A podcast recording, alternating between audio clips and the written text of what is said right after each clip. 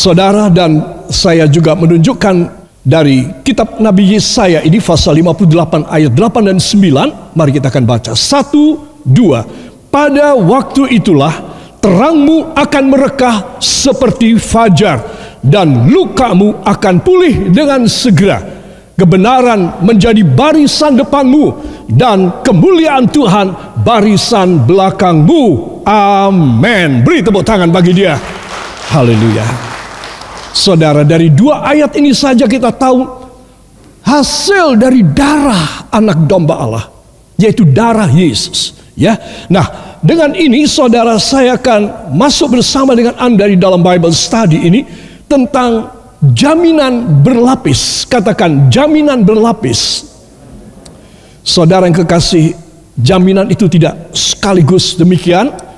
Lantas kita menerimanya bisa sempurnalah kepada kita kita menjadi jaya, saudara, tetapi itu berlapis karena Tuhan itu Allah yang sangat bijaksana dan dia tidak mau saya dan Anda hancur karena berkat yang kita terima. Itu sebab dia memberikan jaminan berlapis. Saudara, berlapis itu berarti sangat safe, sangat aman. Ya saudara, jaminan berlapis dari Tuhan Yesus. Katakan satu, dua jaminan berlapis dari Tuhan Yesus ya. Nah, inilah yang akan saya sampaikan lebih dahulu pada ayat pendahuluan kita dari Yohanes pasal yang ke-10 ayat yang ke-10 para kekasih. Kita akan membaca dengan suara yang nyaring. Satu, dua. Pencuri datang hanya untuk mencuri dan membunuh dan membinasakan. Aku datang supaya mereka mempunyai hidup dan mempunyainya dalam segala kelimpahan. Amin. Katakan wow banget. Ya. Saudara kalau saudara melihat ayat yang ke-9, Yesus berfirman, "Akulah pintu. Aku iki korine. Aku iki lawange, korinya. Aku inilah pintunya." Ya, disebutkan di sana Barang siapa masuk melalui aku, katakan saya harus masuk melalui Yesus, maka saya akan selamat. Baik masuk dan keluar di dalam pribadi, keluarga, maupun kegiatan di luar, Yesus menjadi pintu saya maka saya akan mendapatkan padang rumput yang hijau. Itu luar biasa. Amin. Ya. Jadi ini awalnya. Akulah pintu. Ayat 10, pencuri datang hanya untuk mencuri dan membunuh. Pencuri tidak melalui pintu, pencuri melalui jendela, menggangsir di bawah tanah, ya, mencongkel dan lain sebagainya. Tuhan adalah pintunya. Itu sebab dia menyebutkan dengan jelas, aku datang supaya mereka mempunyai hidup. Terus orang yang percaya kepada Yesus dan selalu apa saja ke dalam keluar selalu dengan Yesus, maka dia akan selalu mempunyai hidup dan hidup yang berkelimpahan di dalam dia. Amin. Itu luar biasa. Kegoncangan ekonomi perubahan politik yang drastis, peperangan, kelaparan, pestilensi, pandemi segala macam tidak bisa mengganggu anak Tuhan ini. Karena Tuhanlah pintunya. Kita masuk dan keluar apa pun dengan dia. Saudara bisa bayangkan sangat safe. Saya dan Anda tidak perlu khawatir apa pun dalam hidup ini. Saudara, mengapa saya katakan jaminan berlapis? Bukan hanya bertahap yang dia mau beri sesuai dengan kita punya kekuatan iman kita. Kita punya kemajuan rohani kita. Bukan itu saja yang bertahap. Tetapi dia berlapis. Saudara, kalau saudara mempunyai perlindungan yang berlapis di dalam rumah saudara, saudara lebih merasa aman. Umpamanya ada pagar besi di depan, baru halaman saudara. Kemudian mau masuk ke rumah pribadi saudara, masih ada lagi pintu gerbang di mana tidak sembarang orang bisa masuk. Kemudian masuk ke halaman saudara di dalam untuk masuk ke pintu saudara, masih ada pintu lagi yang kuat kuncinya, yang kuat keadaan pintu tersebut berlapis. Saudara, perlu khawatir apa tidak? Tidak perlu khawatir. Saudara, kalau Tuhan memberikan jaminan berlapis kepada saudara, dia mengcover hidup saudara lebih dari satu perusahaan asuransi yang dahsyat hebat di dunia. Saudara dijamin oleh Tuhan lebih dari asuransi apa pun. Katakan luar biasa. Hidup saya dijamin berlapis dalam nama Yesus. Amin. Beri tepuk tangan yang baik bagi dia. Para kekasih perhatikan. Kalau saudara melihat pria ini, ya saudara, dia ada di dalam pemeliharaan tangan Tuhan. Coba tangan saudara begini. Ya Tuhan Yesus, kiranya hidup hamba ada di dalam tanganmu, yaitu jaminan berlapis yang tidak pernah kau tinggalkan hidup hamba ini. Ucapkan terima kasih kepadanya. Terima kasih Tuhan, seperti gambar ini, kiranya demikianlah hidup kami. Kau jamin berlapis hanya di dalam nama Tuhan Yesus Kristus, Juru Selamat dan Penebus kami. Dan kita semua mengaminkan. Amin. Beri tepuk tangan yang baik bagi dia. Para kekasih perhatikan, jaminan berlapis dari Tuhan Yesus. Lapis yang pertama adalah Allah memberi gembala atau penggembalaan. Ini adalah lapis pertama. Sebab dalam Yohanes 10 ya saudara, judul daripada pasal ini adalah gembala yang baik. Dia memberi gembala, penggembalaan. Saudara, banyak orang tidak bisa dan tidak mau dan tidak sudi digembalakan oleh Tuhan. Tetapi mereka mengatakan dirinya Kristen. Saudara, maka ini adalah Kristen yang palsu, yang tidak mau digembalakan. Itu sebab lapis pertama dari pemeliharaan dan jaminan Allah adalah bila saudara mau digembalakan. Bila saudara mau digembalakan, saudara sudah mendapatkan satu prioritas bahwa saudara akan dijamin. Saudara akan mengalami perlindungan yang berlapis, jaminan yang berlapis, bukan hanya untuk sementara, tetapi untuk selamanya sampai saudara masuk ke dalam sorga. Amin. Itu sebab Lapis pertama dari perlindungan dan jaminan Tuhan adalah dia memberi gembala kepada saudara.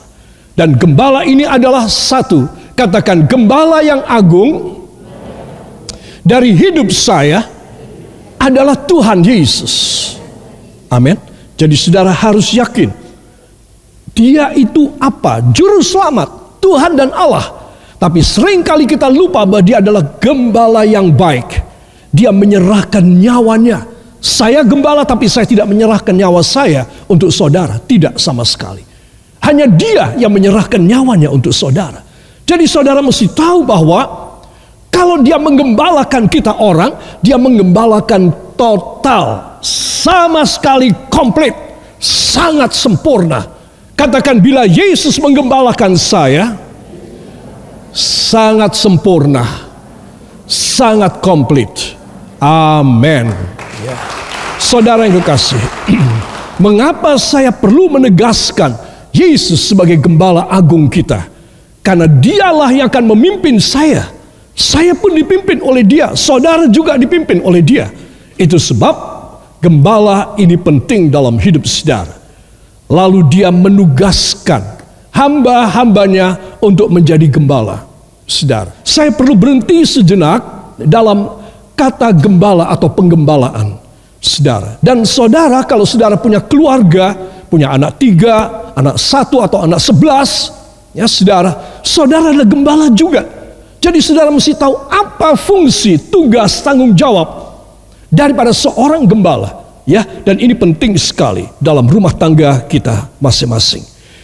Saudara, penggembalaan dalam konsep kitab perjanjian baru adalah penggembalaan yang beda dengan kita sekedar omong, aku gembala.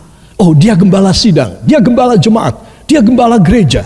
Saudara, konsepsinya yang bahkan orang-orang dengan jabatan seperti saya tidak sadar dan tidak nyadar karena tidak tahu. Cuma melayani Tuhan saja mengumpulkan orang berkhotbah di sana pada akhirnya mengangkat tangan dan memberkati jemaat itu sebab kurang berkat pada jemaat tersebut. Tidak ada mujizat terjadi karena prinsip penggembalaan tidak ada. Kenapa saya perlu mengungkapkan ini? Mungkin saudara berkata ini pelajaran untuk para pendeta. Iya pasti ini. Tetapi untuk jemaat harus tahu. Supaya apa? Supaya jemaat ini mau digembalakan. Kalau jemaat tidak tahu apa fungsi dan tugas daripada gembala, maka jemaat curiga. Aku digembalain itu apa? Oh supaya aku keluarkan uang. Aku mengembalikan persepuluhan, aku kasih korban sama dia. Saudara, engkau salah sekali. Itu sebab seorang hamba Tuhan adalah seorang abdi Allah, utusan Allah. Kalau saudara tidak tahu apa penggembalaan, saudara seenaknya. Dan saya tidak suka melayani jemaat yang seenaknya. Saudara mesti tahu penggembalaan itu apa. Memberi makan kepada saudara. Dan menjamin saudara. Supaya saudara tetap ada di dalam hadirat Allah. Seperti Musa mengembalikan umat Israel. Tanpa Musa berdoa. Tanpa Musa mengedangkan tangannya. Tidak terjadi apa-apa. Mereka akan tetap ada dalam hukuman Allah. Mereka tetap mati kelaparan mereka dihukum dengan api dari langit. Hanya bila Musa mengangkat tangan dan berseru kepada Tuhan, jemaat Israel ini selamat, dapat makan, dapat daging, dapat air minum, air minum pahit menjadi manis. Saudara yang kekasih, penting sekali jemaat mengerti unsur dan fungsi penggembalaan ya. Di dalam konsep penggembalaan perjanjian lama, ini etimologi ya, ilmu bahasa asal kata itu etimologi. konsep perjanjian lama gembala seperti Musa, Harun ya, saudara, adalah ra'ah. Ra'ah adalah pemberi makan. Pemberi makan. Ini perjanjian lama. Ya, umat Israel lapar, tidak ada minum, kehausan, kena sakit campak, kena pandemi, Musa gembalanya memintakan supaya Tuhan kasih makan. Ya sudah itu ra'ah. Dan kemudian di dalam Alkitab ter, perjanjian baru karena sudah berubah bahasa yaitu bahasa Greka atau bahasa Ibrani namanya adalah bosko memberi makan. Ya saudara. Ini etimologinya. Sekarang saya ingin kita hidup dalam perjanjian baru, saya ingin kita mengerti prinsip perjanjian baru itu apa. Supaya saudara sebagai domba, oh, aku digembalakan dengan benar apa tidak benar. Penggembalaku ini, gembalaku ini benar apa tidak menggembalakan aku. Ya saudara. Nah, prinsip perjanjian baru adalah seperti Yohanes 21 ayat 15 sampai 17 kepada gembala sidang pertama yang diucapkan dari mulut Allah. Siapa namanya? dari 12 murid Simon Petrus. Ini dia adalah gembala pertama di zaman Yesus. Saudara, ketika mereka makan, Yesus sudah bangkit dan mereka makan, uh, mereka mencari ikan, semalaman tidak dapat ikan, tiba-tiba sesosok pria di pantai berteriak, "Woi!" Persis apa tidak? Ya. Kamu dapat ikan apa tidak? sekapal murid-murid Yesus tidak tahu bahwa ini pria yang berteriak adalah Tuhan Yesus, gurunya. Mereka pikir ini adalah pengepul ikan. Ya, saudara. Mereka seenaknya tidak dapat ikan. Mereka juga berteriak, tidak ada ikan. Mari kita makan. Dan mereka merapat, semua murid-murid, semua pucat pasi karena mereka sudah menyangkal tugas mereka untuk menggembalakan, untuk menjadi hamba Tuhan. Dan mereka mau cari ikan sekarang. Dulu, tiga setengah tahun yang lalu kira-kira, mereka meninggalkan pekerjaan mereka sebagai pencari ikan. Yesus memanggil Petrus, Andreas, Simon Petrus, Andreas.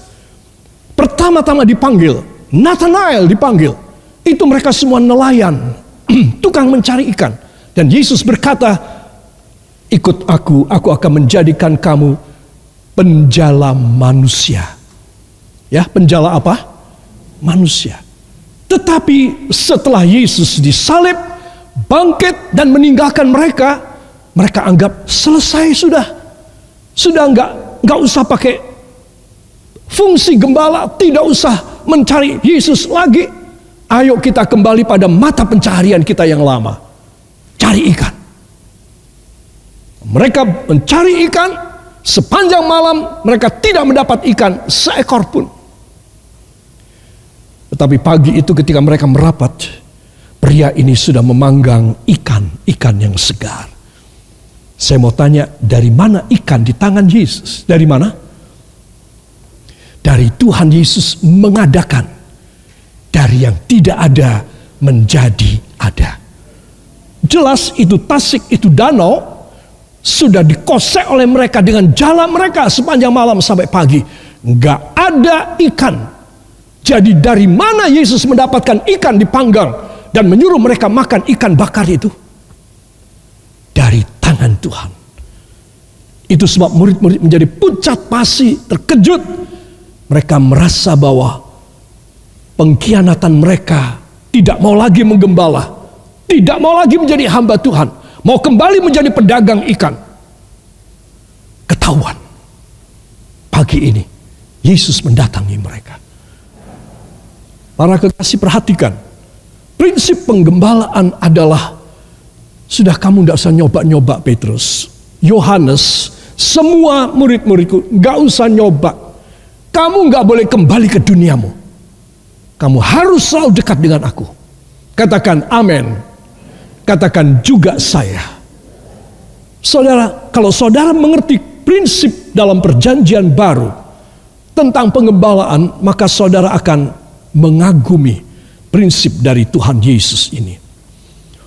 Di dalam Alkitab bahasa Inggris katakan sebagai shepherd dari kata sheep atau domba. Ya saudara. Dan bahasa Greekanya di dalam perjanjian baru dikatakan Paul Maino. Katakan Paul Maino. Paul Maino ini adalah shepherd, gembala domba. Ya, beda dengan perjanjian lama, raah, pemberi makan. Asal kasih makan sudah. Tetapi prinsip perjanjian baru di mana kita hidup, saudara, maka Paul Maino ini beda dengan raah. Paul Maino ini menyangkut beberapa unsur dan tugas seorang gembala. Satu, ketika pagi hari, gembala inilah yang membuka kandang dan kemudian mengeluarkan domba-domba dan domba-domba ini satu demi satu keluar. Sambil satu persatu keluar, dihitung. Diapain? Hitung. Jadi pagi-pagi, Paul Maino berarti membuka kandang, mengeluarkan untuk menuju dibawa ke padang rumput dan dihitung jumlahnya berapa. Ada yang hilang nggak semalam? Apakah betul 100? Seperti perumpamaan Yesus, ada atau ada yang kurang? Itu yang kedua, dihitung. Ketiga, gembala akan berjalan di depan dan membawa ke padang rumput yang hijau, ya, menggiring kepada mata air yang sejuk. Sore jam 4 maka gembala kembali uh, meniup. Dia punya setiupan atau hanya dengan bibir dan domba-domba pada berkerumun kumpul semua. Dan dia berjalan kembali pulang ke kandang gembala di depan dan semua domba di belakang kelima ketika sampai di pintu kandang Paul Maino Gembala dalam konsep perjanjian baru akan menghitung. Kalau domba-domba mau gerombol masuk, stop tidak boleh, nggak boleh gerombol.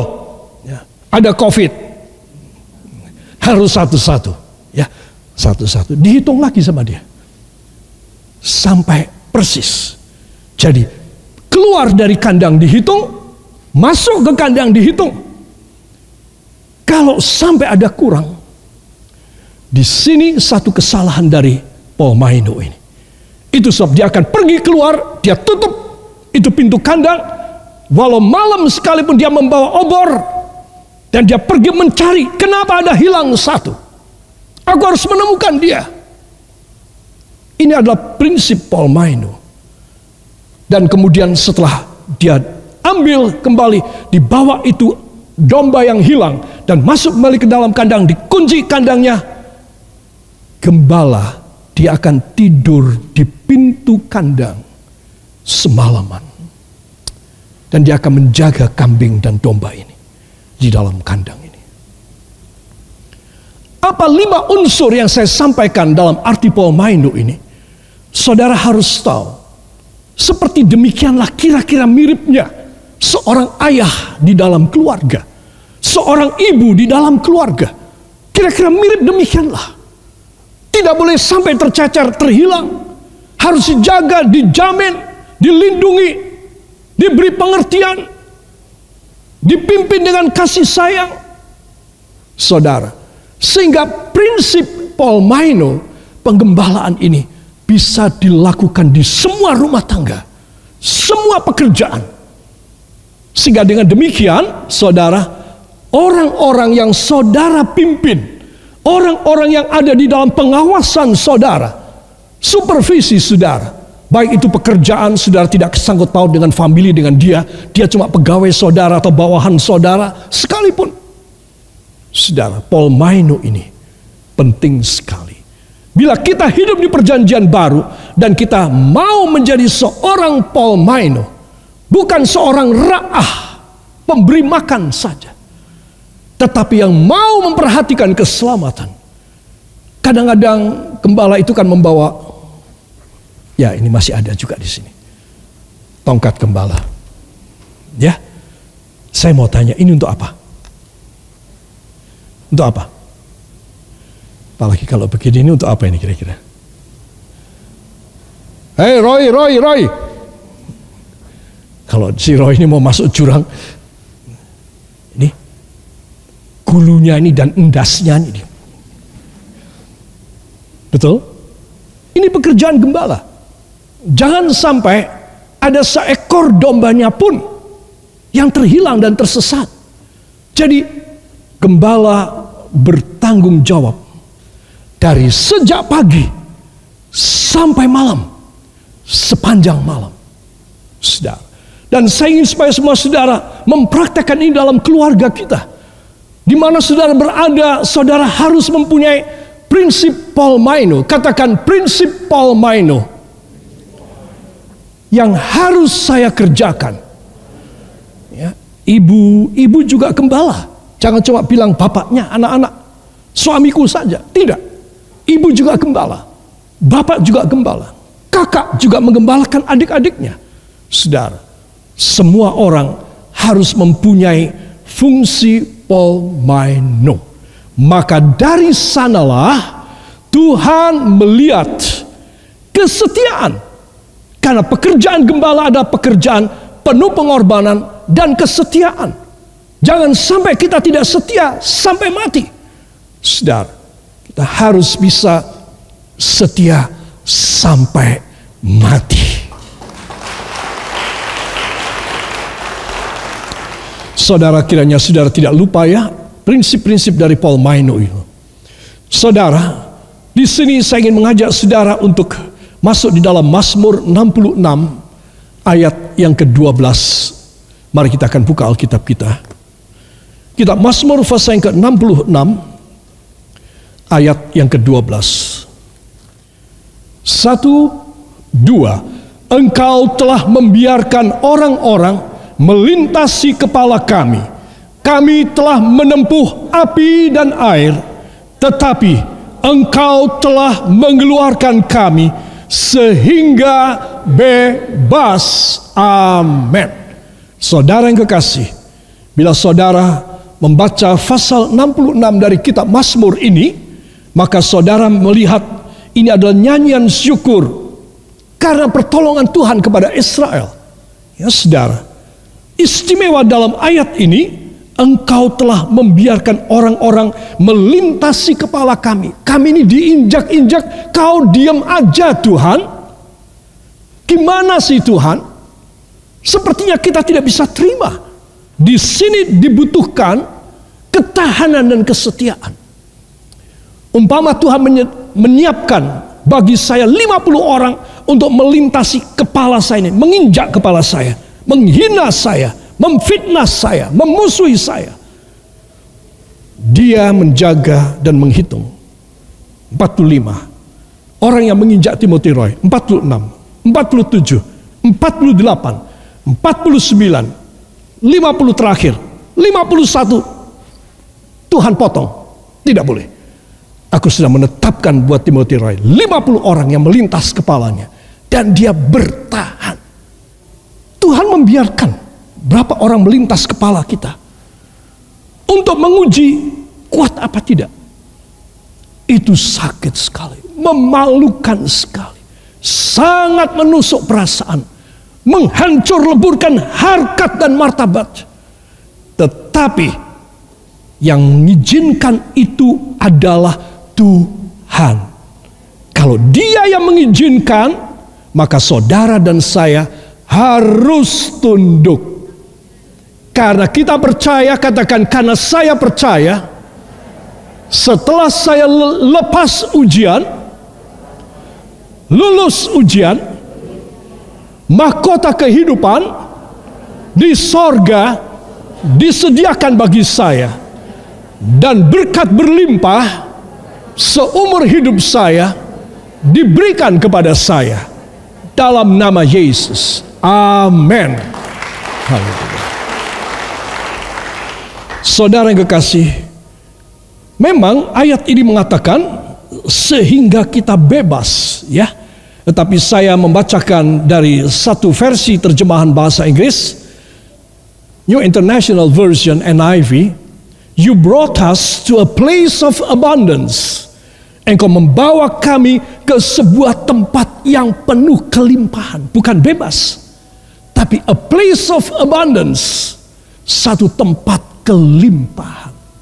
That's why it's one of us that we have and we have already proved before Him that we are faithful in Him and we are stagnant in all our faith to Him. We believe that after that, God will open all the way for us and give all the reward.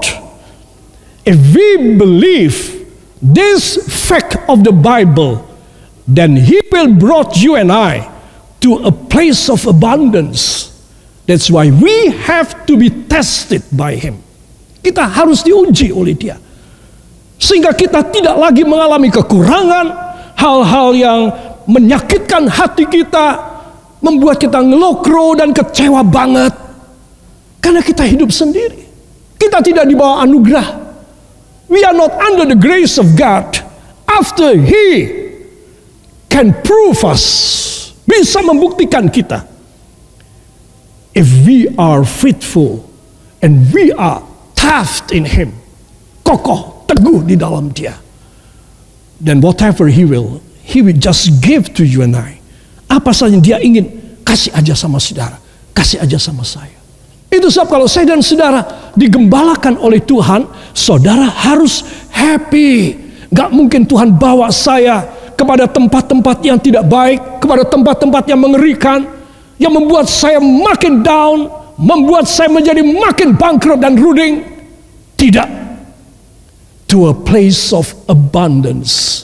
Ke suatu tempat yang berkelimpahan. Haleluya. Saudara mau demikian? Ayo angkat tangan kanan saudara. Taruh tangan kiri di dada. Ya Bapa yang baik, hamba pegang perjanjianmu.